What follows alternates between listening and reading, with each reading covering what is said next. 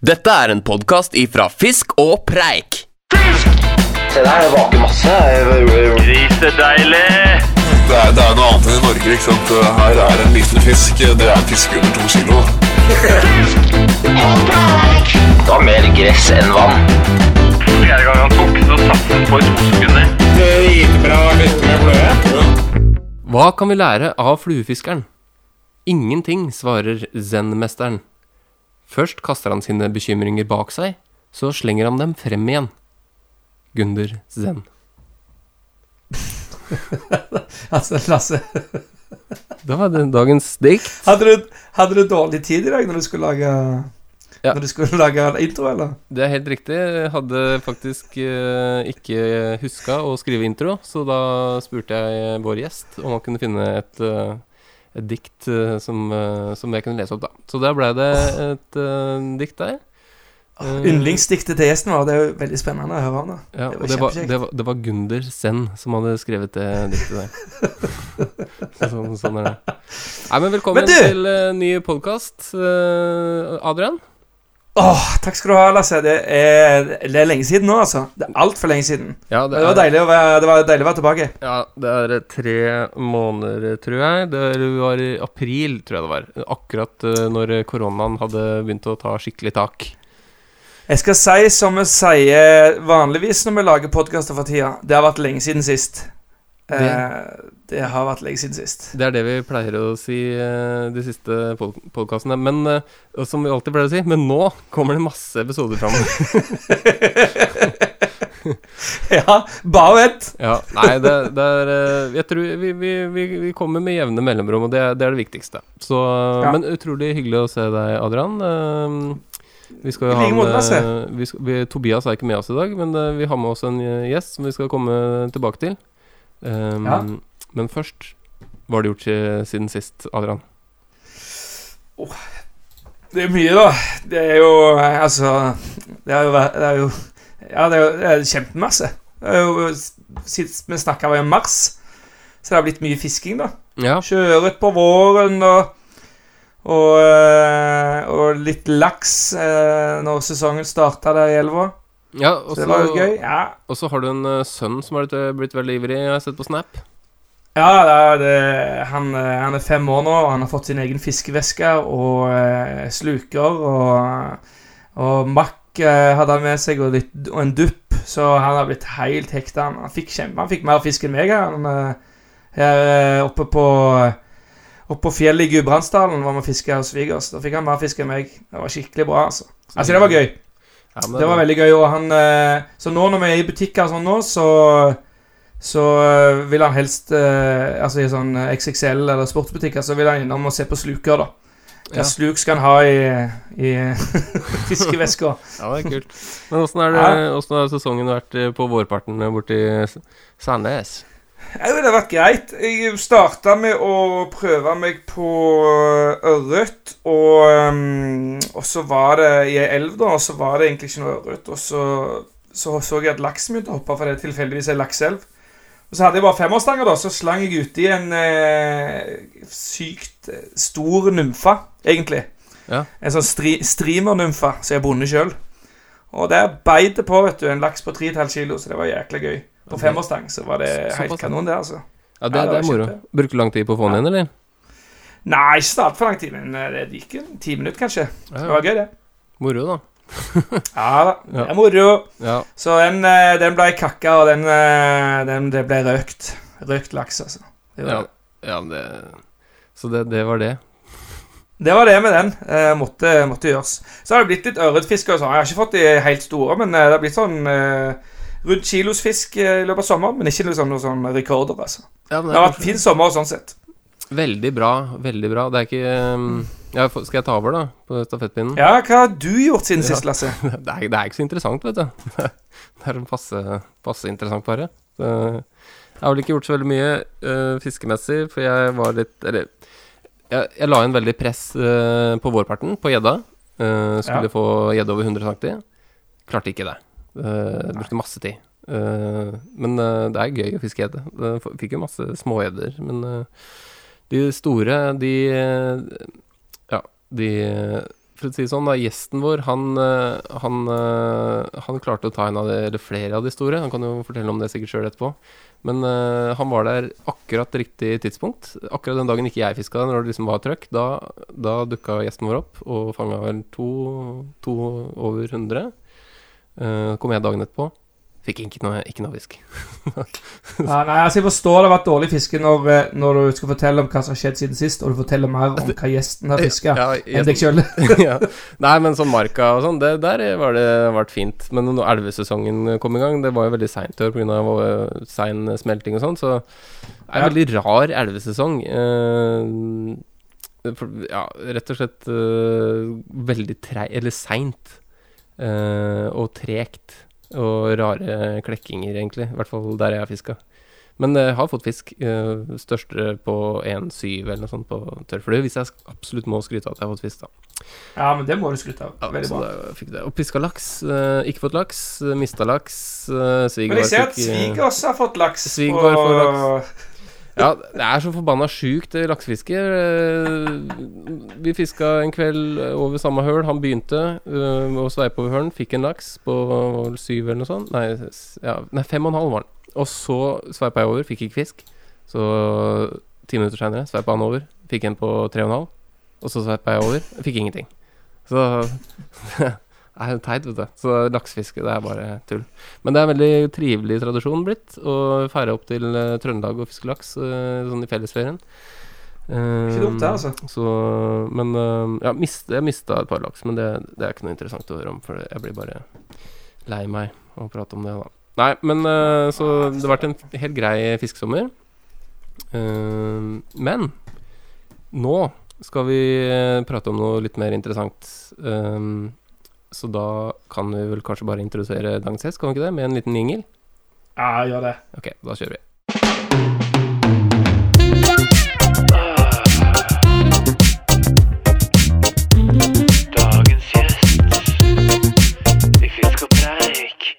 Lasse, jeg blir aldri lei av de jinglene dine, altså. De er helt kanon. Det er en god jingle, det der.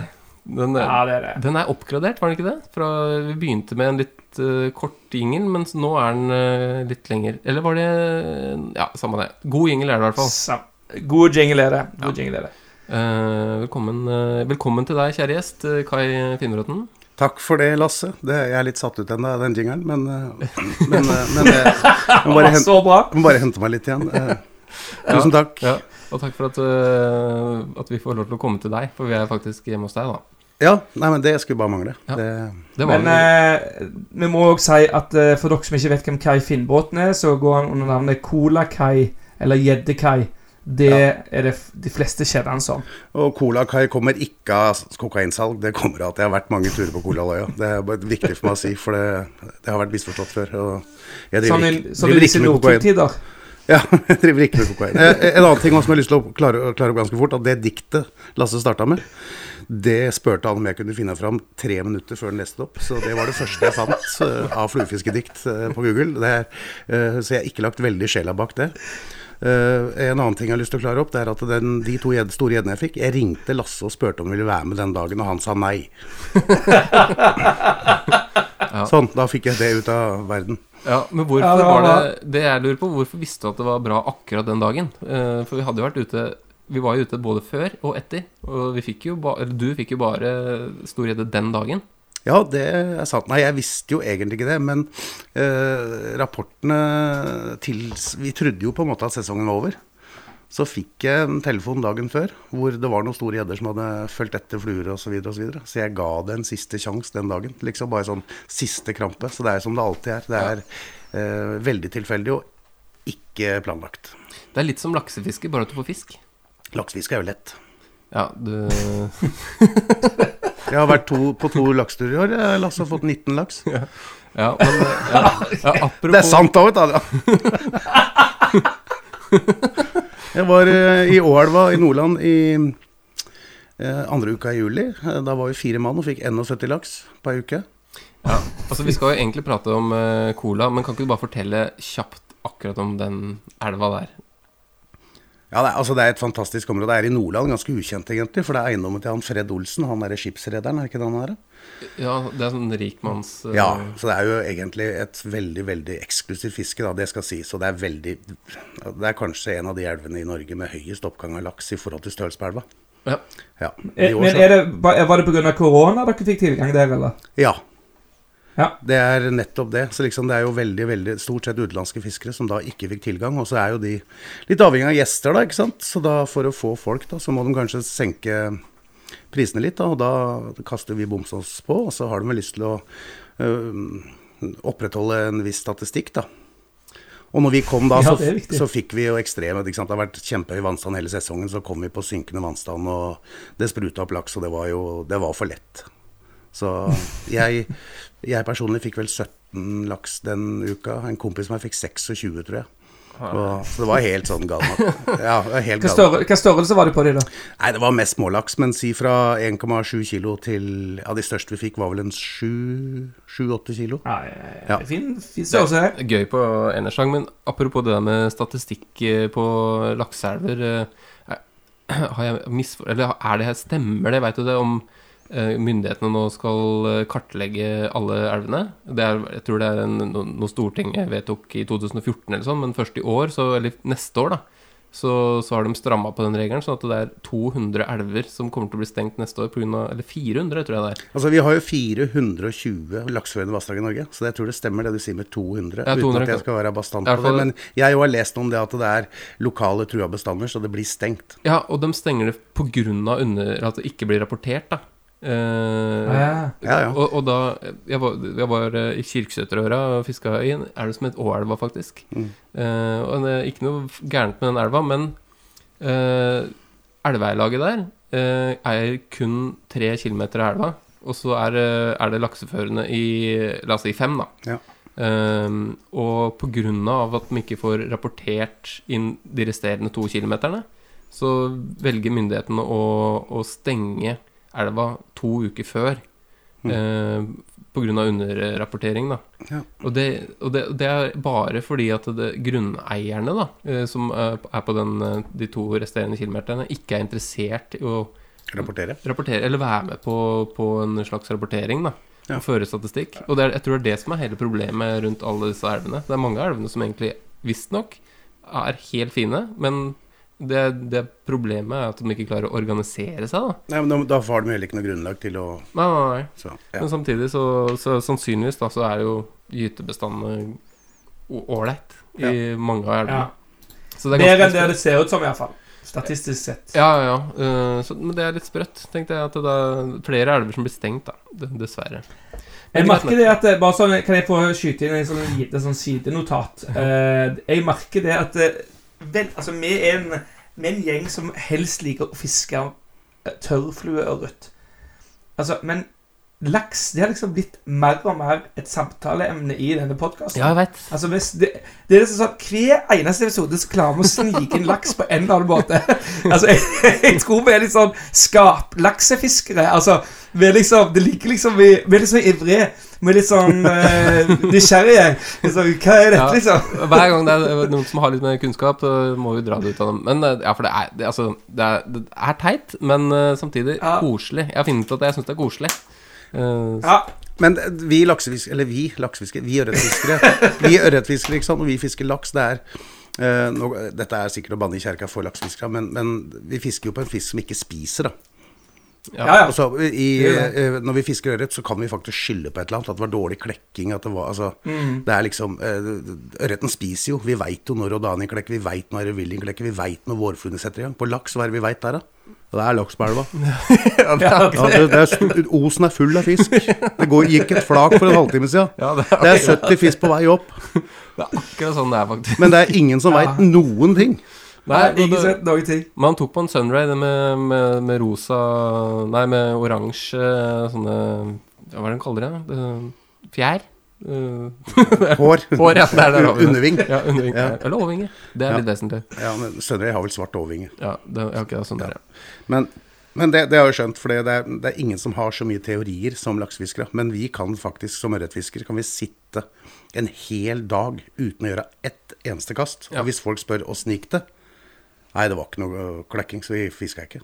Nei, det er sant. Nei, Det kan du ikke si på laksefiske. Nei, da, Der er det bare om, der er det om å gjøre å ha flua i vannet hele tida, for det kan jo Det passere er en laks. sant. Men det har litt på det, det er liksom noen av disse laksefiskerne som bare har en sånn eh, radar på når de skal gå ut i elva, har jeg inntrykk av. Liksom sånn eh, Ja, nå føles det riktig. Ja, det er noen som bare er sykt gode, Ja, ja. rett og slett.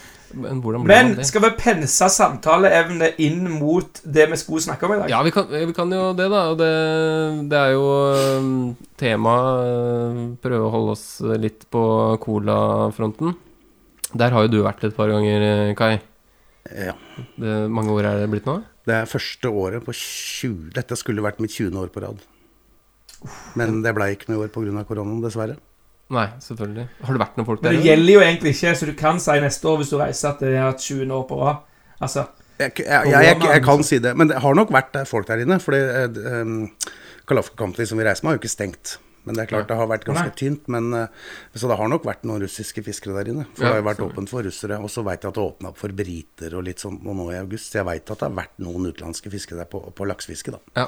Men jeg tror nok de og røttene har fått svømme ganske ledig i år, ja. Men eh, det er også ja, altså det, er, det er et eksklusivt uh, ørretfiske og laksefiske. Mm. Men du, du har opplevd eh, begge deler? eh? Ja, jeg har jo fiska desidert mest ørret, men jeg har vært heldig og fått fiska litt laks òg, ja. ja, ikke sant? Hva er det du hva, hva, Det er kanskje et dumt spørsmål. Hva, hva, hva er best? Ørret. Ja. ja, jeg, jeg Eller hva som er best. Jeg er mer fascinert av ørreten enn på laksen, da. Ja. Men, men eh, eh, Kai, kan ikke du, når vi først har deg her eh, For det er sikkert mange som lytter på oss som gjerne har eh, hatt lyst til å dra til Cola, eller eh, har liksom hatt det som en, en drøm. da Kan ikke du forklare litt eh, Bare sånn Hva er opplegg, liksom? Hvordan, eh, hva, hva, hvordan kommer man seg dit, og hva gjør man? Og, ja, bare sånn liten eh, intro. Nei, sånn som vi som bor i Norge, da. De aller fleste som bor i Norge, flyr jo da fra Gardermoen til Kirkenes. Så tar vi buss fra Kirkenes til Murmansk. Og så er det en to timers busstur fra Murmansk ut til der helikopteret henter oss, og så flyr vi ut og fisker eh, i ei uke. Det er veldig kort fortalt. Veld, veldig kort fortalt. Ja. Blir du redd i de der helikoptrene noen gang? Er ikke de litt sånn eh, fra kalde krigen? Og... Nei, det var vel en gang jeg var litt bekymra når vi fylte opp helikopteret og vi skulle lette, og så sier piloten at eh, det er for tungt, så dere må gå opp på toppen der. Så gikk vi opp på toppen, så fløy hun opp der. Så gikk vi inn i en helikopteret, og da klarte han liksom å kaste helikopteret utfor den toppen, da, så vi fikk løft. Da, da var faktisk jeg med. Ja, da kjente jeg litt på at uh, dette er uh, Dette føltes ikke helt riktig. Det var litt litt cowboy, cowboytilstand. Så det var litt sånn uh, det, det var litt ubehagelig, for vi fikk rett og slett beskjed om å gå ut av helikopteret og gå opp en topp, ja. Og så sette oss inn igjen da etterpå og, i samme helikopteret. Men det var vel Var det én gruppe for mye i det helikopteret da? For da var det jo, hadde det vært tåke, den, eh, den, den Det var ikke ei gruppe, men det var, jo, det var jo Jeg vet ikke om vi var 18 eller 20 stykker da, med full oppakning. Ja, det var så- Men så sto vi veldig nærme. Vi sto nedi altså Oppdriften var ikke bra nok. Så jeg, altså, jeg tror det var trygt, men det var ubehagelig når du, liksom, piloten sier at eh, nei, vi klarer ikke å løfte, så vi må opp dit. hvor, hvor lang eh, helikoptertur er det, da? Per løft, da. Det blir jo to løft, for vi flyr jo til en camp, og så fordeler vi oss der, og så flyr derfra igjen. Så det er vel en sånn 20-25 minutter per, per flyvetur. Da. Ja, ok. Ja. Ja. Det er jo litt spesielt når man selvfølgelig kommer til Murmansk og liksom, Turen starter jo der, med å, Mm. med, å, med, å, med, med å booke inn på hotellet, og så treffer man jo gjerne en gruppe som har vært inne tidligere. Som har vært ute ei uke, som er på vei hjem. Ja, som er på vei hjem, ikke sant.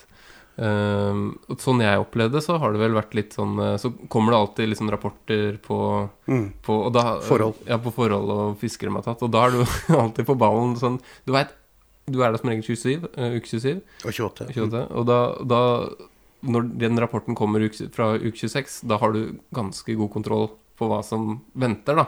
Ja. Jeg vil si det. Hva er det, hva er liksom den perfekte rapporten?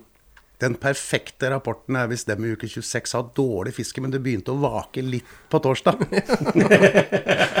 da, da er det bare å gni seg i fingra, for da veit du at det For uke 27 det er ofte da det setter i gang. Og når det setter i gang på cola med klekkinger, så skjer alt samtidig. Det er Rodani eh, og Aurevilli før lunsj, og så er det vårfluer etter lunsj, liksom. Da ja. Alt smeller samtidig.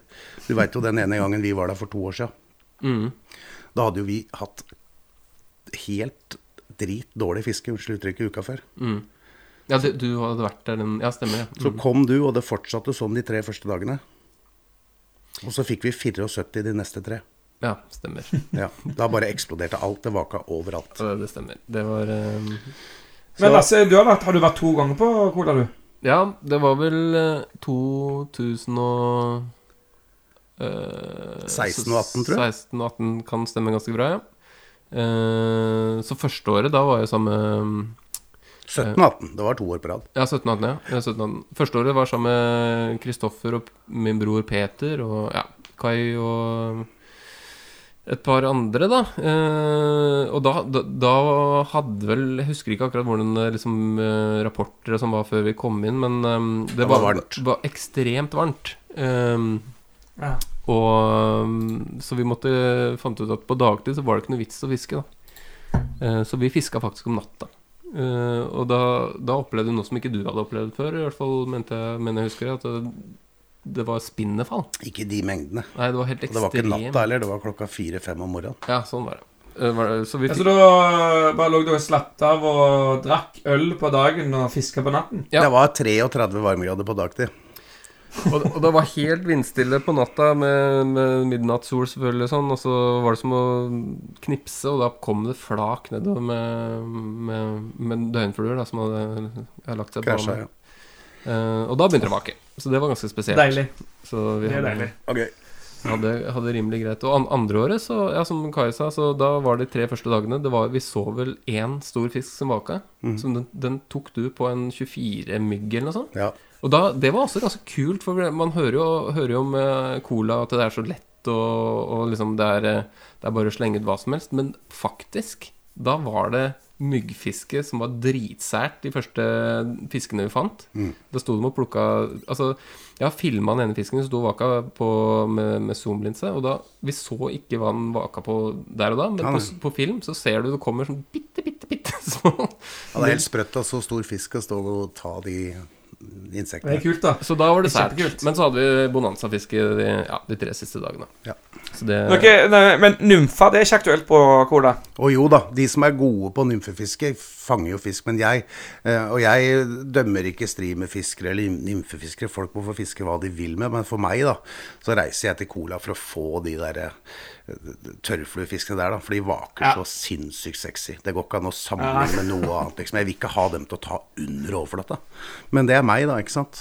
Men jeg har jo hatt med meg folk som, altså spesielt østerrikere og sånn, som er helt sjukt flinke til fiske med nymfe. De fisker jo ræva av alle andre. Men de fisker jo helt andre områder enn det vi gjør. òg.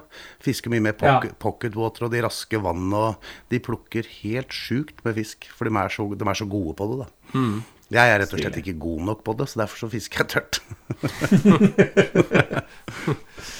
Ja, også, men så kom man eh, Når man starter på en sånn eh, reise, reise fra Murmansk og får alle disse rapportene og sånn, og så flyr man inn, lander Eh, Man har jo også det er, det er litt kult at man har en guide. Eller som er en russisk guide. Man kaller det for guide, i hvert fall. da Ja, uh, Men hva er oppgaven til den personen? altså oppgaven altså Vi kaller det guide, men han er jo en kokk. Han lager jo mat til oss. Det er det han gjør. For hvis du spør f.eks. Igor, da, som har blitt en god venn av meg, som er vår guide, ikke sant? så sier han So Igor, where, where should we fish? Upstream or downstream? Og da svarer han Upstream is very good, and downstream is very good. Og det er jo det nærmeste du kommer guiding. Så, så eh, de, men de, er, de kjenner området, de har satellittelefon, de prater språket, så liksom hvis noe skulle skje, så, Ja. så er det veldig godt å ha dem der. Og så, og så sørger vi for at vi har i oss nok næring til enhver tid. Da. Er Så, det. så det er ikke guide, så det er det vi gruppeledere. Altså, så, så når jeg er gruppeleder, så jeg kjenner de områdene. De fleste gruppeledere vi har. ikke sant? Svein Rødbergshagen. eh, altså De gutta der har vært der mange, mange mange ganger. Pål Krogvold. Eh, det er jo de som er guidene. Ja, det må ha vært der noen, eh, har vel vært der noen år. Ja. Men, Men eh, hvordan, egentlig, hvordan, ble, hvordan ble du introdusert til Cola, egentlig, Kai?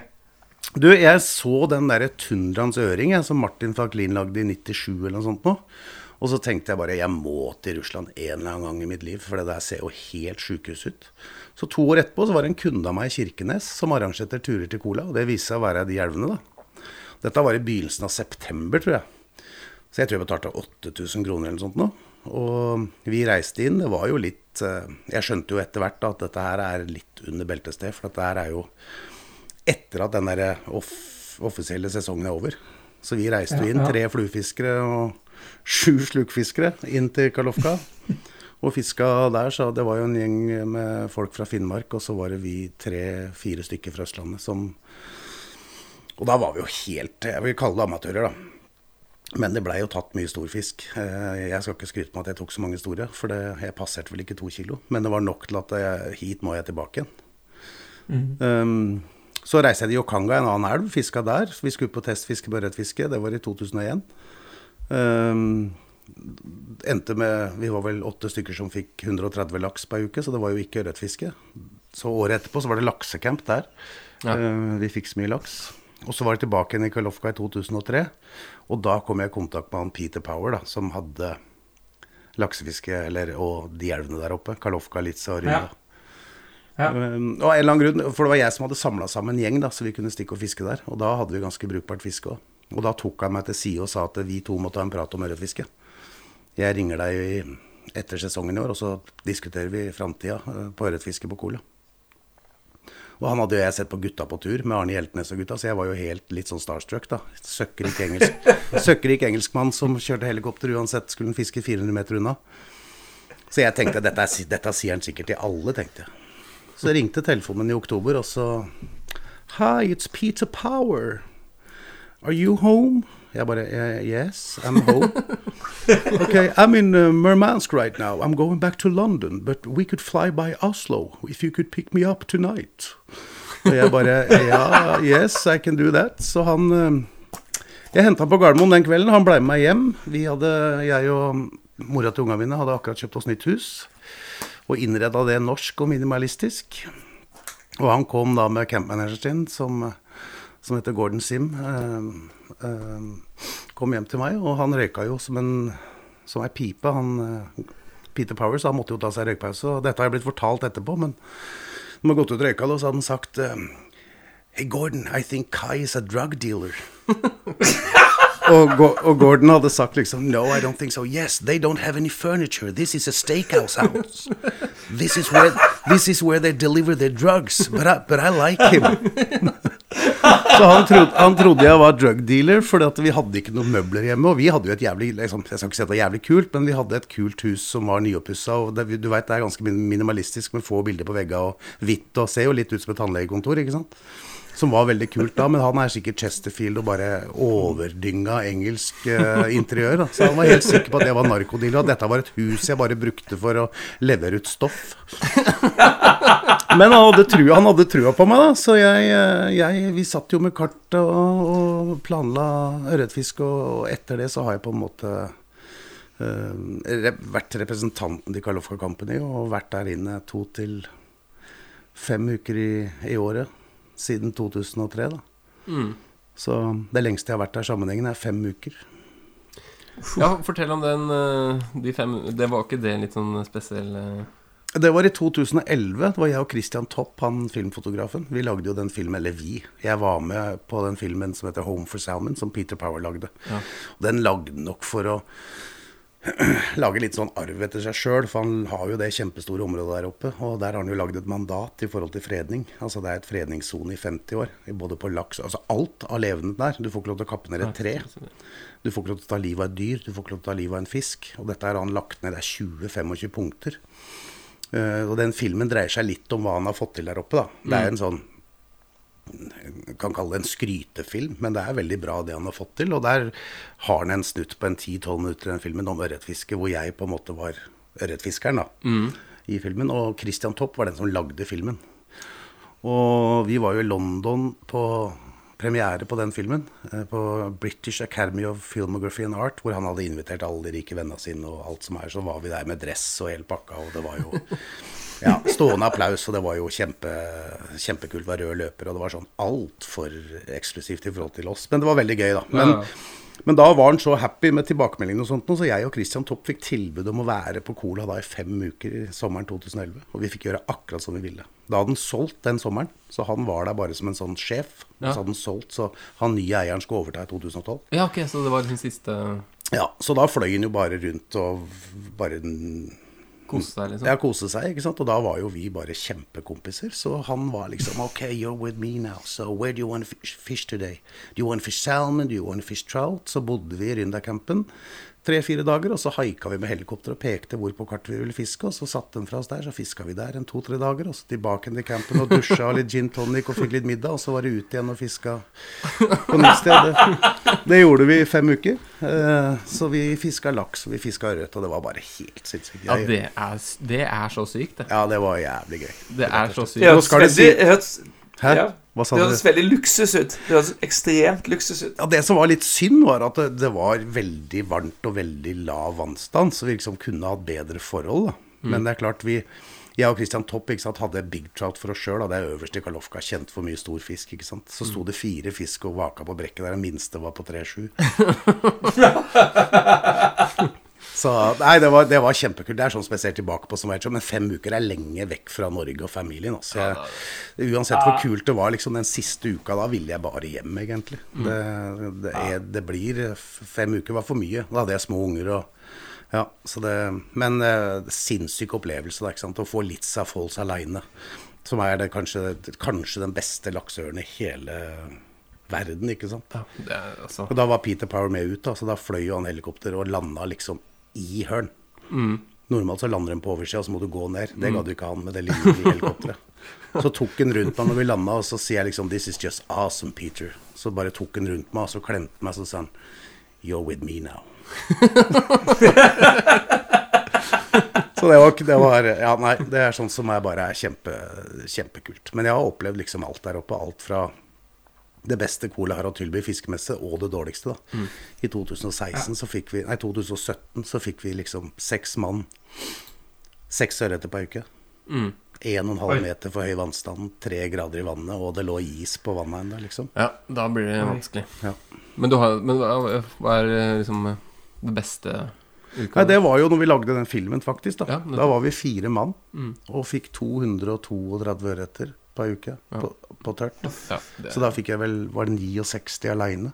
ja, det er jo Det blir, det blir ganske ma, ja, men man snakker litt om det der eh, når man har vært på New Zealand og sånn. Når du kommer hjem fra en sånn tur når du har fått så sykt mye ørret, hvordan er det å fiske hjemme i Norge da? Jeg, jeg, jeg har jo hatt litt den der i år, da. Og jeg, jeg har jo snakket litt med Kai, og så vi har, liksom, jeg nevnte vel det i våres. At jeg var litt sånn mett. Jeg syns det var litt dritt, egentlig.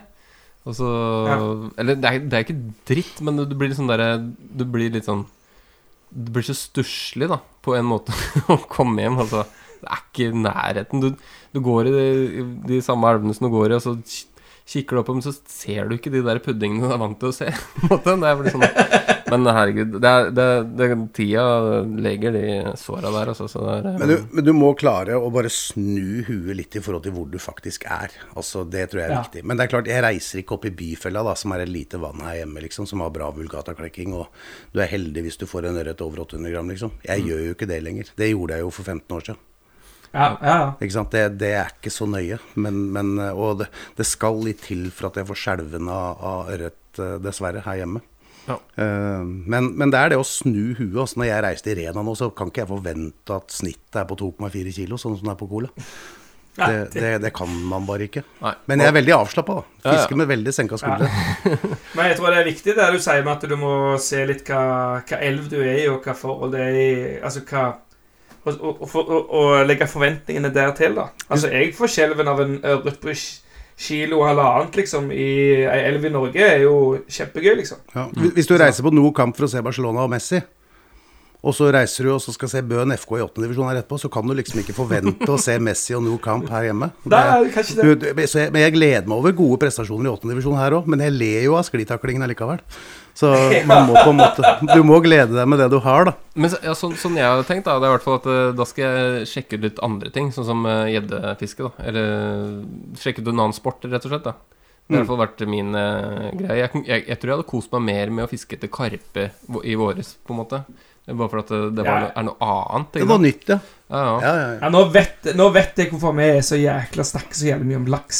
ja Det er fordi at det er det eneste som er liksom stort nok til å Og ikke vært på noen sånn syk laks laksetur ennå, så det Nei, men eh, jeg tror det Og det, det er det som er litt kult med, med, med, med å fiske, da, selvfølgelig, generelt. Det er at du Det, det fins andre ting enn ørret, selv om eh, jeg, jeg personlig setter mest pris på det når det er bra.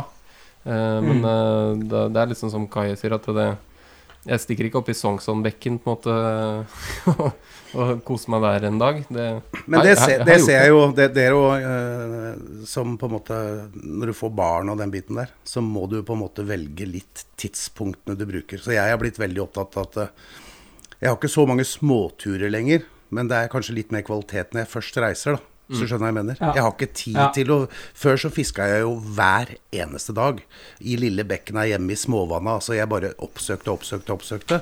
Nå er det liksom, har jeg to sønner som begge spiller fotball. Uh, de trener, du kjører til og fra hele pakka. Så liksom jeg må ha den fisketuren å se fram imot. Og det må ikke være cola. Det må, kan godt være Åelv og Nordland som jeg var i nå, men det blir mer sånn når jeg først fisker nå, så pakker jeg en bag, og det liksom er nøye gjennomtenkt, og så reiser jeg og fisker, og så er det det jeg gjør.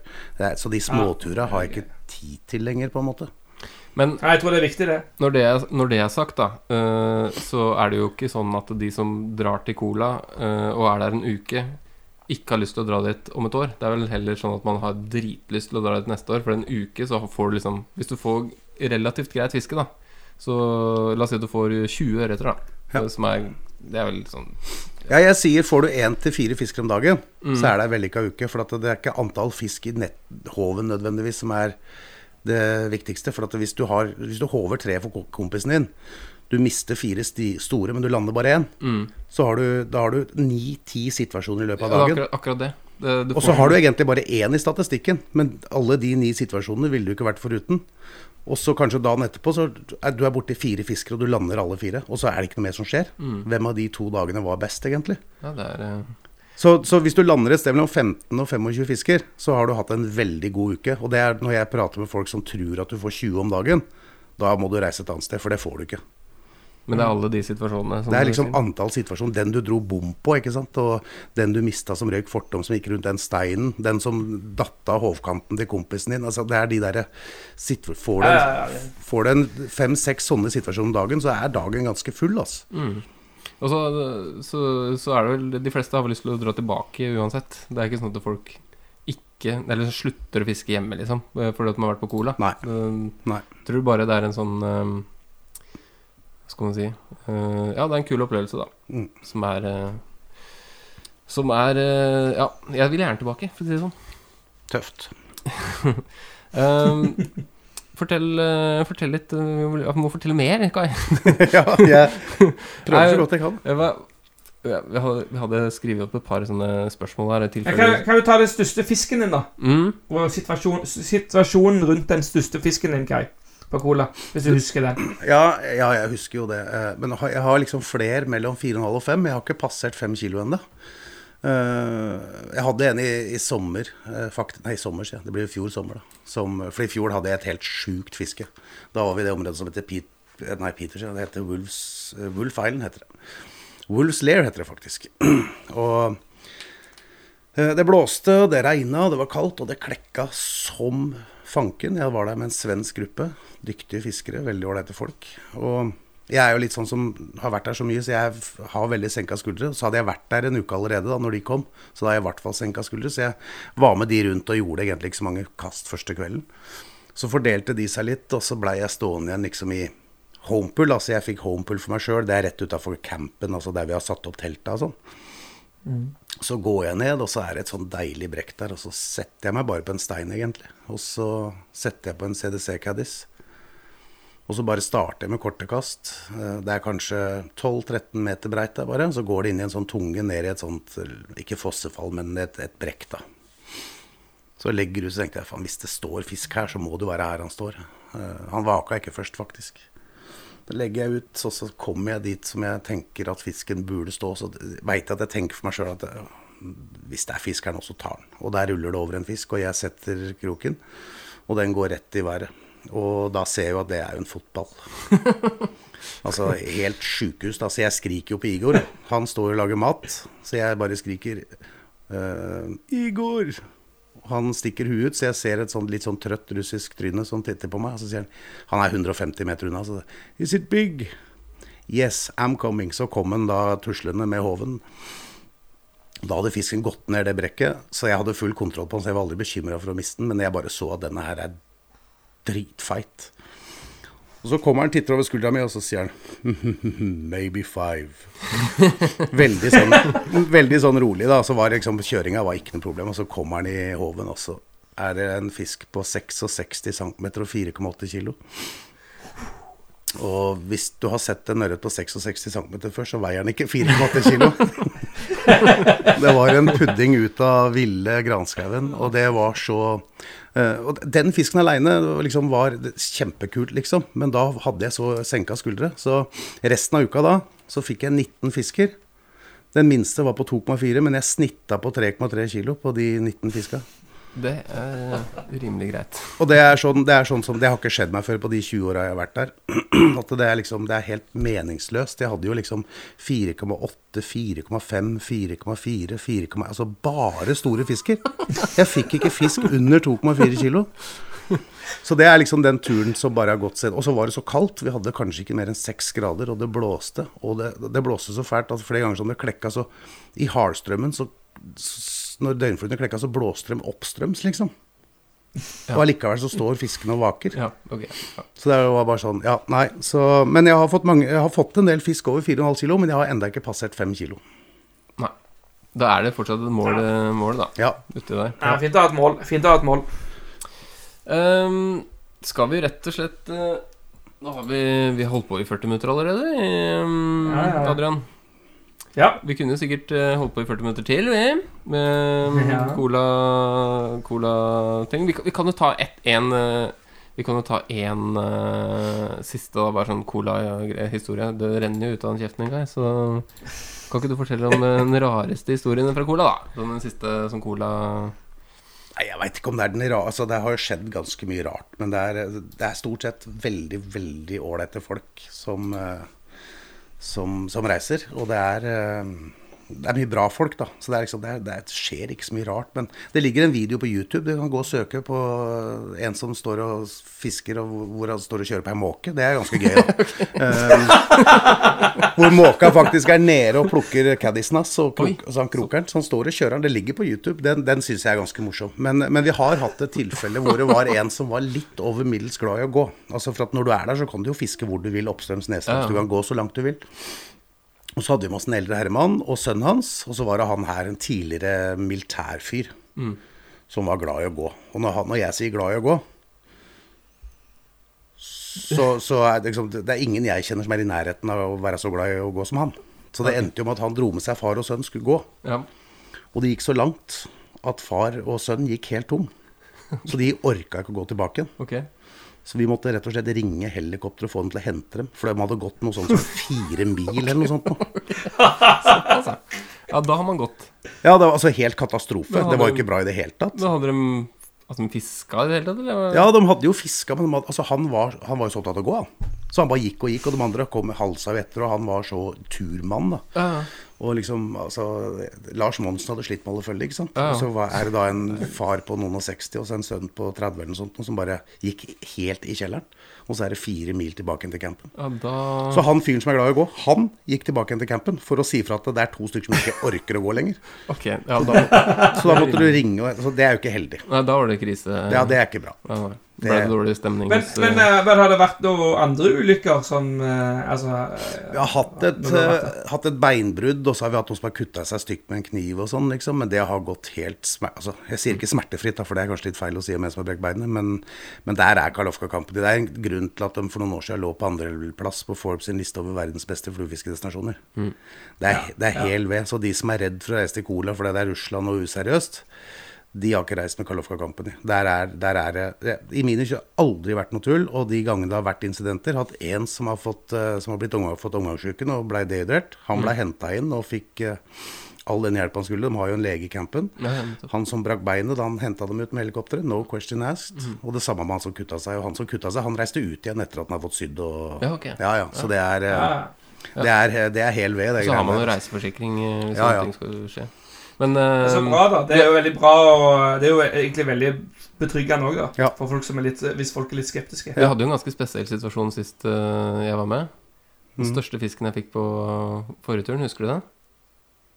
Da sto vi Ja, det var den på 3, et eller annet, det. tre og en halv eller noe sånt. Ja. I hvert fall så da hadde, vi, da hadde jo vi gått et stykke oppover, og det har egentlig ikke noe med saken å gjøre, men vi hadde nå gått en, eh, gått en eh, halv dag oppover, da, og det tror jeg var siste, siste brekket vi fiska over. jeg. Mm. Uh, jeg- vi hadde nok fått noe fisk òg, på vei opp, men uh, så fikk jeg fiske på det brekket først, da. Og så står vi og preiker, og så, står jeg, og så, så gjør man som man alltid gjør, da. Får ut fortommen og Ja, hvis Det sto en fisk og vakka overfor deg. ja, det, det, ja, det gjorde det vel. Ja, Jeg skulle fiske for den på skulle du kaste på. Ja, og så dro jeg ut line, da.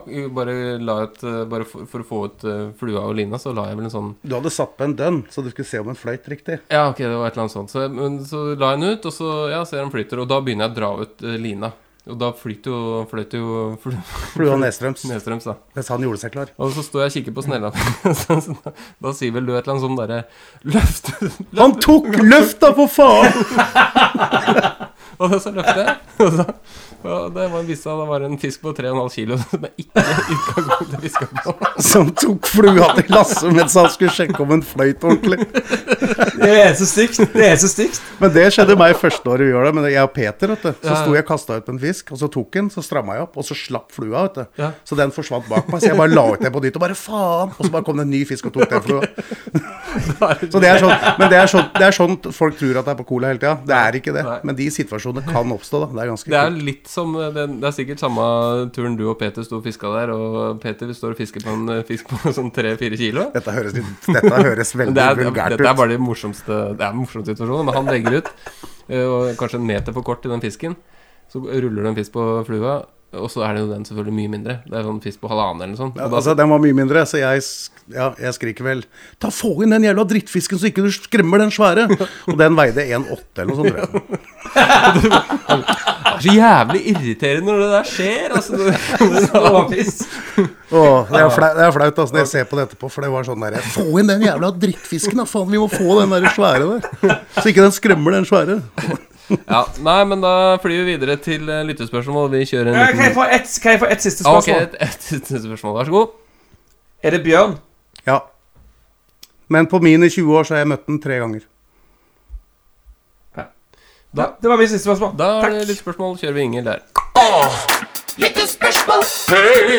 I fisk og preik! Oh, det er litt. Oh, yeah. I fisk og preik! ja, det er litt spørsmål. Og preik! Ja da, det er litt spørsmål. Oh, I fisk og preik! For en nydelig Inger. Eh, Åh, Har du, har du lagd den nå? Jeg har lagd den vet du. Faen, du er god, ass. Tusen takk. lytterspørsmål, altså. Ja. Du, eh, Kai, hadde, hadde vi så mange jingler når du var gjest sist gang, egentlig? Nei, det hadde Jeg vi tror ikke. ikke. Nei, jeg kjenner at det har vært en oppgradering til hva jeg var med sist. Det, det som er kult, vet du, hvis, eh, hvis du blir eh, Nå har du vært eh, gjest for andre gang. Mm Eh, hvis, du har, hvis du blir gjest for tredje gang, skal jeg lage en ingen kun til deg. Kjenner jeg ble sånn Ola varm. Nå ble jeg sånn varm inni meg. Ja. Ja. Neste uke, da, eller? Så, Ja, ja. ja, ok. Nei, men Adrian, har ikke du forberedt noen lyttspørsmål? Jau, jau, jau. Jeg kan starte jeg eh, med en, eh, liten, eh, et lite lytterspørsmål fra Ole Konrad. Hei, hei. Ligger i senga mens jeg hører på dere nå. Har akkurat bestemt meg for at jeg skal stå opp til eh, semitidlig for å prøve sjøørreten. Eh, hvor viktig er det å skaffe seg et hall? Kan jeg ty til håndhall, eller ender jeg bare opp med en liten makrell da? Hilsen Ole Konrad. Kan jeg få komme med et bare sånn Hvis vi går tilbake igjen til sist jeg var med, Ja. så var det også Ja. et spørsmål om hall. Ja, det er alltid Ja, mye ja, liksom det er Ja, men det er alltid mye hall. Og håndhall, det er Ja. Nei, hva syns dere, eh, Kai? Nei, jeg, jeg er litt usikker, ass. Jeg føler at det Ja, for du skal fiske sjøørret i salg. Hall hører jo veldig sånn der saltvannsfiske til, da. Nå fisker jo vi stort ferskvannsarter, så jeg har aldri egentlig lagt så mye vekt på det med hall. Jeg tror, jeg tror ikke du skal eh, Hvis du bruker den tida nå på å sove fordi du skal så tidlig opp, enn å bruke opp tid på et håndhall Ja, Jeg tror du fisker bedre opplagt. Ja, men jeg tror han fisker bedre hvis han har tatt seg et håndhall, for da har han liksom senka skuldrene, og så sover han bedre òg, Ja. tenker jeg, da. Det- Men jeg tror ikke det har noe å si på fiskelykken. Nei, det, det jeg, har, jeg kjenner at jeg har ikke så veldig mye erfaring med Nå er jeg litt spent. Nei, nei eh, ja, nei, nei. Hva er det Akkurat nå har jeg en gravid kone, så det er kanskje ikke Da er det kanskje Jeg er litt, jeg er litt spent på Det har blitt mye håndhold på deg i det siste, Lasse. Nei eh, Jeg, jeg veit ikke, ass. Det, det, er, så teit at du ler så fælt. Jeg kan si det på en annen måte. da Ja. Hvis vi går tilbake igjen til gjeddefiske. Ja. Um, ser du noe oh, ja, om jeg ser noen resultater av eh, Eller ikke? eh, Tid... eh, altså, jeg tror Hvis jeg skal Nei. Nei, vi går til neste spørsmål. Ja, vi går til neste spørsmål. Ok, Jeg her er et spørsmål fra Martin Jensen. Det kom, eh, dette spørsmålet her kom eh, før vi hadde lagd den episoden. Ja, ok. Men vi tar det med før. kjør du. Hallais, gutta. Skikkelig bra podkast dere gjør. Fantastisk opplegg. Det var veldig snilt. Jeg har et lytterspørsmål eh, eh, som lyder som følger. Hva er sommerens råeste tørrflue øyeblikk eh, Unnskyld. Hva er sommerens råeste tørrflueøyeblikk for dere? Og har dere fiska i Sverige etter ørret? Jeg har også en anbefaling. Midjevadere er helt krem om man ikke behøver å vade veldig dypt. Og få ut fingeren, for nå er det lenge siden forrige pod. Står på, gutta. Hilsen Martin Jensen. Ja Det var mye. Takk, takk, Martin. Takk, Martin. Mm. Uh, skal vi begynne med hva er sommerens råeste tørrflueøyeblikk for dere? Uh, kan jeg få svare først? Ja. For jeg, det husker jeg Ja. veldig godt nå. Uh, jeg, jeg, jeg merker at han er veldig ute etter ørrettake her nå. Men eh, for mitt tilfelle så var det faktisk på gjeddefiske. Ja. Eh, jeg hadde akkurat satt på en ny flue. Mm. Denga ut et nydelig kast. Ja, langt et år, vet du. Og før den flua hadde rekt å synke, så kommer det ei gjedde på 5,5-6 kilo og kaster seg på den flua som om det var no day tomorrow. Altså 100 km i timen. Og napper nesten stanga ut av hånda på meg. Det er mitt kuleste tørrflueøyeblikk eh, i år. Ja, det, det er ganske det, For den var tørr, den flua. Ja, det, ja, det er fordi jeg har så mye hår på den, vet så den flyter jo som Så, bare så det var sinnssykt kult. For det, det er noe med det når 90 cm gjedde kommer i så stor fart og, og bråsnur med den flua i kjeften. Det er ganske kult. I hvert fall ikke når du er forberedt på at den skal ta. Nei, det, Så det var, det var mitt eh, Og ja, jeg har fiska i Sverige etter ørret. Ja, ikke sant. Da, det var jo godt besvart, det. Adrian, har du, har du lyst til å utdype den i Sverige, eller? Er det? Nei. Sverige Jeg har aldri fiska i Sverige etter ørret. Eh, men eh, mitt råeste eh, tørrflyøyeblikk var i sommer, når jeg var og fiska med, med sønnen min. Det var hans første skikkelig fisketur. Vi sov i telt.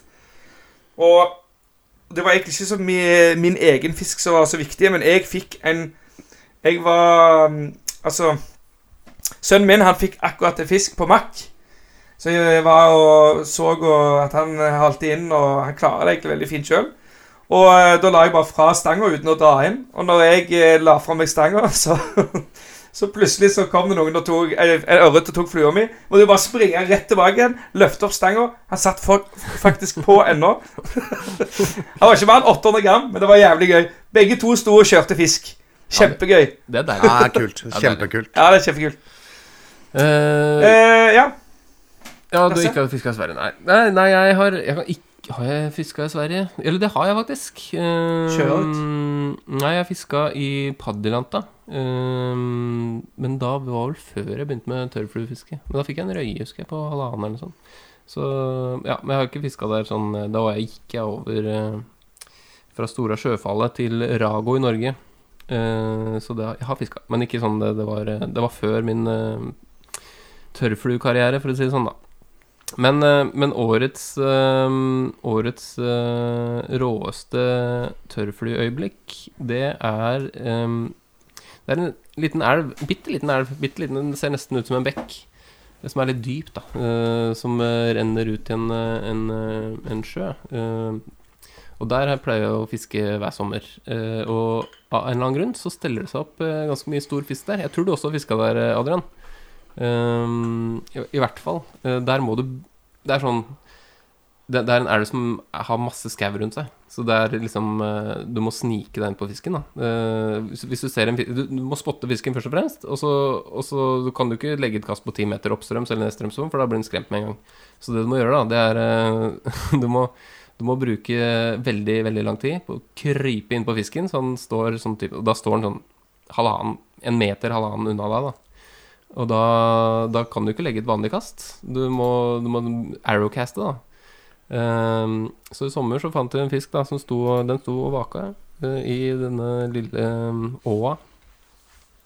Og da var det ned på alle fire, krype ned. Brukte sikkert 20 minutter på å komme seg i posisjon, og så var det et arrowcast. uh, og rett over fisken, og den tok. Og den viste seg å være 1,7. Så det var jo ganske sjukt, da. Ja, det er tøft. Døgnflue, eller? Ja, på, på Dennis, ja. Ja, så, så det var, eh, det var litt spesielt. Og det, det, det er veldig, veldig sårbart, da. For du får liksom det ene kastet. Ja, ja, ja, det skjønner jeg jo da. Uh, hvis ikke, så Men da utnytta du det godt, da. det, det gjorde det, faktisk. Så det var gøy. Ja, kult. Um, ja, da har vi ikke besvart uh, spørsmål fra Jo, da svart da. svart veldig bra. Takk Nå for er det spørsmål spørsmål. Ja, takk for spørsmålet. Nå er det et spørsmål fra Trost her, fra Ja. Finnmark. Vil du lese opp det, Lasse? Eller skal Det, det er, eller så kan Kai lese opp, hvis han vil. Nei, Ja. Nei, du kan ta den du, Lasse. Eh, Dette var på sånn Du må jo ta det på Ja, han er jo Eller vil du lese opp, Adrian? Ja, jeg kan prøve. Ja, ok, kjør på. Hallaisen, gutta. Helvete heller. Når jeg begynte å høre på dere, så trodde jeg faen ikke det skulle bli som forholdet til meg og kjerringa. Og med det mener jeg at det tar måneder mellom hver gang, ja, du veit, at man hører på dere fra dere. Dere skjønner jo for faen ikke for faen hva jeg mener. Nok om sex, podkastlivet mitt. Jeg har et spørsmål til Kai. Som dere vet, så er jeg hakket mer glad i å fiske sånne tøffe, mandige fisker som gjedde, i forhold til sånne der femifisker som ørret. Men når jeg ser på f.eks. Colakai eller Svein Rødbergshagen fisker på Cola, så er jo faen meg ørreten helt beist. Det er nesten så jeg vurderer å bytte festeturene til Murmansk ved fisketur på Cola når jeg ser guttene fiske i de områdene der. Men så slo det meg plutselig. Hvis ørreten på Cola ser ut som muterte faenskap, hvordan i helvete ser Cola-gjedda ut? Hilsen Tross fra Finnmark. Du, på Cola er det jævlig mye gjedde, faktisk. Uh, men det blir ikke Det blir sjelden større enn sånn to-tre kilo. Men eh, vi har, eh, vi har fått mye gjedde på Cola nå. vi har eh, Altså, jeg har fått gjedde som har stått og vaka steady på Caddis, jeg, altså, på Cola. Um, så de, de, de Det er sant. Sto og vaka steady, og jeg la ut ei vårflue, så var det faen meg gjedde, altså. Så, og det skjer jo ofte at vi, hvis vi kjører på sånn Nå er det ikke så ofte vi får ørreter på en kilo der, men det har skjedd mange ganger at gjedder har angrepet ørreten når vi har kjørt på dem og sånn. Ja, ja. Hengt etter, liksom. Og de guidene vi har, for at, ikke sant, eh, disse elvene på Kola renner jo veldig sånn um, Du har et elvestrekk, og så er det en lobball, og så er det ei vik, og så er det et nytt elvestrekk. Og uh, guiden vår går jo og fisker gjedde i de vikene. De elsker å spise tørka gjedde. Så de kakker og Så så gjedda, trost, for å svare deg til det, da, svare deg på det, så ser den ut som ei svær norsk gjedde, bare mye mindre. Men det skulle, skulle jo tro at det er litt større gjedde i, de, i de vannene. Jeg vet, han Valodja, den ene guiden, tok ei gjedde på rundt 10 kilo i fjor, veit jeg. Så ja, at det er stor gjedde, er det ikke noen tvil om, men vi har ikke sett så mye til dem. Så, så, men det er mye gjedde. Du. Kan kjøre et nytt sånn eh, gjeddeprogram på Cola. vet du Kommer litt, litt tidligere når gjedda gyter, og så fiske i vannet der. Ja, jeg har jo vurdert jeg satt, Lagde en film en gang og reist på eh, Gjeddefiske. til Cola, og så liksom lagd det til en, bli en sånn skikkelig mislykka film, for vi får bare ørret.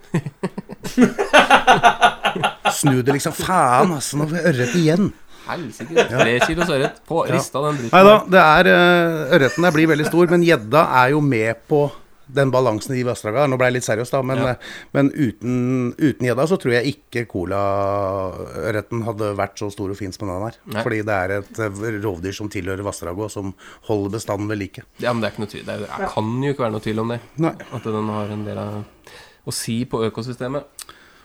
Men eh, skal Ja, vel, altså, da tar du siste spørsmål, Ja, takk, eh, takk for eh, spørsmål, eh, Trost. Det var hyggelig og hyggelig med et gjenhør fra deg. Eh, setter vi pris Ja, på. veldig hyggelig. veldig hyggelig. og nå har vi også et spørsmål fra en som har sendt inn spørsmål tidligere, nemlig Fomlespruten. Det er ganske lenge siden, er det ikke det?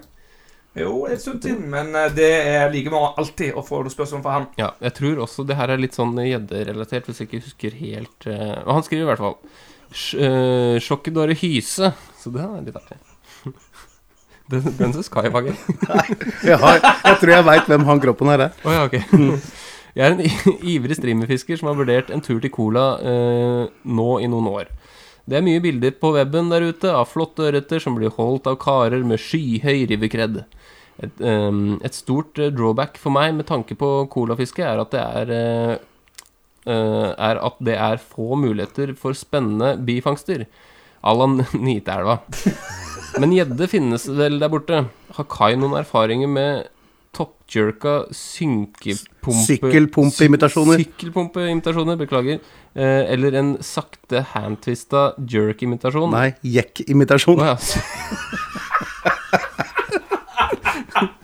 Beklager.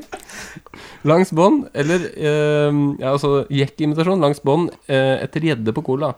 Eh, Med vennlig hilsen Fomlespruten. Du, Fomlespruten, jeg har en mistanke om hvem du er, men jeg skal ikke tilfelle jeg tar feil, så skal jeg ikke si noe om navn her. Uh, skal jeg ikke svare. Jeg har jo har ikke med meg så mye sukkel- sykkelpumper, så jeg har ikke brukt så mye sykkel, sykkelpumpeimitasjoner. Men vi har jo sånne pumper som vi bruker til å pumpe opp båta med. Mhm. Det må jeg heller ikke fiska med. Okay. så jeg har ikke topprekka med det. Men det er klart, vi bruker jo mye Tsjernobylans, da. Det kan jo, de største der ligner jo litt på ei sykkelpumpe, hvis du legger godvilja til. Um, men vi får ørret på det òg, altså. Og jekkimitasjoner har jeg ikke noe bruk for der oppe. Så Hva er alt det her, da? Det lurer jeg på. en håndtvista jekkimitasjon, ja. det er sånn som da, Du har ikke fiska mye i Nittelva, skjønner jeg? Nei, det, Nei, for der ligger det både sykkelpumper og jekker, for å si det sånn. ja, okay. Ja, eh, en jekk er jo sånn du jekker opp eh, bilen med, det vet du hva Ja. er. Ja, ja, ja. Ja, så eh, jeg, føler det er småvanskelig å svare på. Men, men du kan ikke sammenligne med Nittelva, altså, for det- Nittelva har 27 forskjellige ferskvannsarter. Men, men um, på Cola er det jo kanskje fire. Uh, Apropos, så jeg fikk en um, gjørs i Nitelva i år, jeg. Ja, som bifangst. Ja, Ja, jeg fiska til gjedde. Gjørs! Ja, ja. gjørs, Yes! ja. Det, jeg, jeg, ble, ble, jeg ringte tror jeg faktisk til deg med en gang. Jeg. Ja, det stemmer. Jeg skjønte ikke hva det var. Du sendte meg bilde og spurte hva er dette. Så sa jeg gratulerer, du, gratulerer, du har fått en gjørs. Det var ikke sprek. Men på Cola er det jo lake, da. Så Ja, ja. jeg vurderer å ta med meg noe, eh, noe sild eller et eller annet sånt som jeg kan agne med. da. Ja, for da må du fiske på bånn. Ja, meite etter lake. Det er kanskje ikke det jeg hadde kommet hjem og sagt at jeg har gjort, men jeg kunne jo gjort det kun for deg, da, Formlespruten. Ja, det hadde jo vært ganske legendarisk hvis du hadde fått det. Ja. Um, nei, men uh, har, du, har, vi, har du besvart her? Eh, Jeg, var, det var, jeg følte ikke Det var litt vanskelig å svare på, liksom. Men eh, svaret er at jeg har ikke toppjerka sykkelpumpeimitasjoner. Jeg har heller ikke håndtvista jekkimitasjoner. Dessverre. Men eh, jeg skal ta det med meg eh, Se om jeg får tid til å gjøre det neste år. Hvis, hvis det åpner. ja, men det er trivelig. Da har vi, har vi noen flere spørsmål da, eller? eh, Adrian? Nei, men det eneste var at du hadde lagd en liten sånn utro, hadde du ikke det? Som vi skulle høre på. Nei, vet du hva, jeg har Eller jo, eh, jeg har vel vært delaktig. eh, men den, den, den Det er jo Kai som har lagd den outroen. Eh, du, skjønner, du skjønner ikke Ja ja, jo, det stemmer det. Men jeg, vi gjorde det jo hos deg. Ja, vi gjorde det i studio. Så, ja, hva var det for noe igjen? Flua mi, du mener? Ja. Ja. Det var en sang du spilte inn. Ja, det var jo rett og slett Vi hadde det gøy på, på en liten sånn vorspiel en gang. Jeg og en kompis som spilte gitar. Og så gjorde vi om uh, låta 'Slaven din' til flua mi. Ja. Og så lagde vi bare en tekst og en, uh, en liten greie på den, som var litt morsom, syns vi, da. Ja, ja. Så var vi hos deg i studio og spilte den inn. Ja. Og så lagde vi en musikkvideo med Yngve Ask i Scanout. Ja, og det ble Jeg syns jo det ble jævlig kult. Uh, um, tror kanskje andre syns det var litt morsomt òg. ja jeg syns den, ble- jeg tror den ble veldig bra. Eller jeg syns den ble bra. Ja. Videoen. da. Så det, Skal vi, skal vi avslutte med det, eller, Adrian? Er ikke det en fin avtale? Ja. Da hører vi på den, og så, så sier vi bare ha det før vi hører på den, og så spiller vi flua mi Mm. med Kai Finnbråten. Og tusen takk for at du var, eh, hadde tid til å være gjest. Det var kjempegøy. Det setter vi pris på. Uh, Tusen takk, Kai. Så for folk, hvis dere har noen gjesteanbefalinger, så må dere bare sende mail eller skrive på Facebook, så skal vi prøve å huke tak i noen folk. Gjør det. Og vi setter pris på alle meldingene vi har fått òg, mens vi har tatt en liten pause med folk som har lyst til å høre mer podkast, meldinger. Kjempebra. Takk for det. Takk for det. kult. Adjø. det. Ha det bra! Ha det! Du viser deg fram med strøkne finner Og se på fluer som vi binder Hvis vi har noe som ligner litt Så tar du kanskje om den flyter fritt Men det er en ting fine aure. Fatter ingenting, for du tar jo bare aldri flua mi. Du tar aldri flua mi.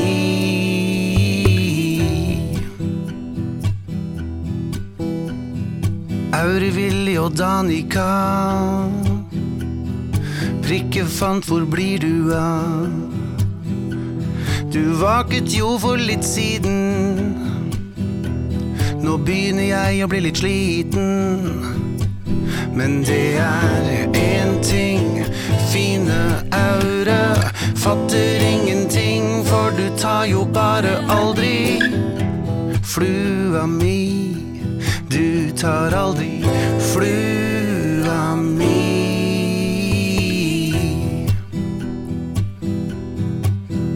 Jeg har sett deg her. Du spiste nevebjørka der. Perfekt kast og et perfekt drift. Slipper ikke unna på mitt skift. For det er én ting, kjære Aure. Fatte hva du vil, men du slipper aldri unna. Flua mi, du slipper aldri flua mi. Lurte deg med flua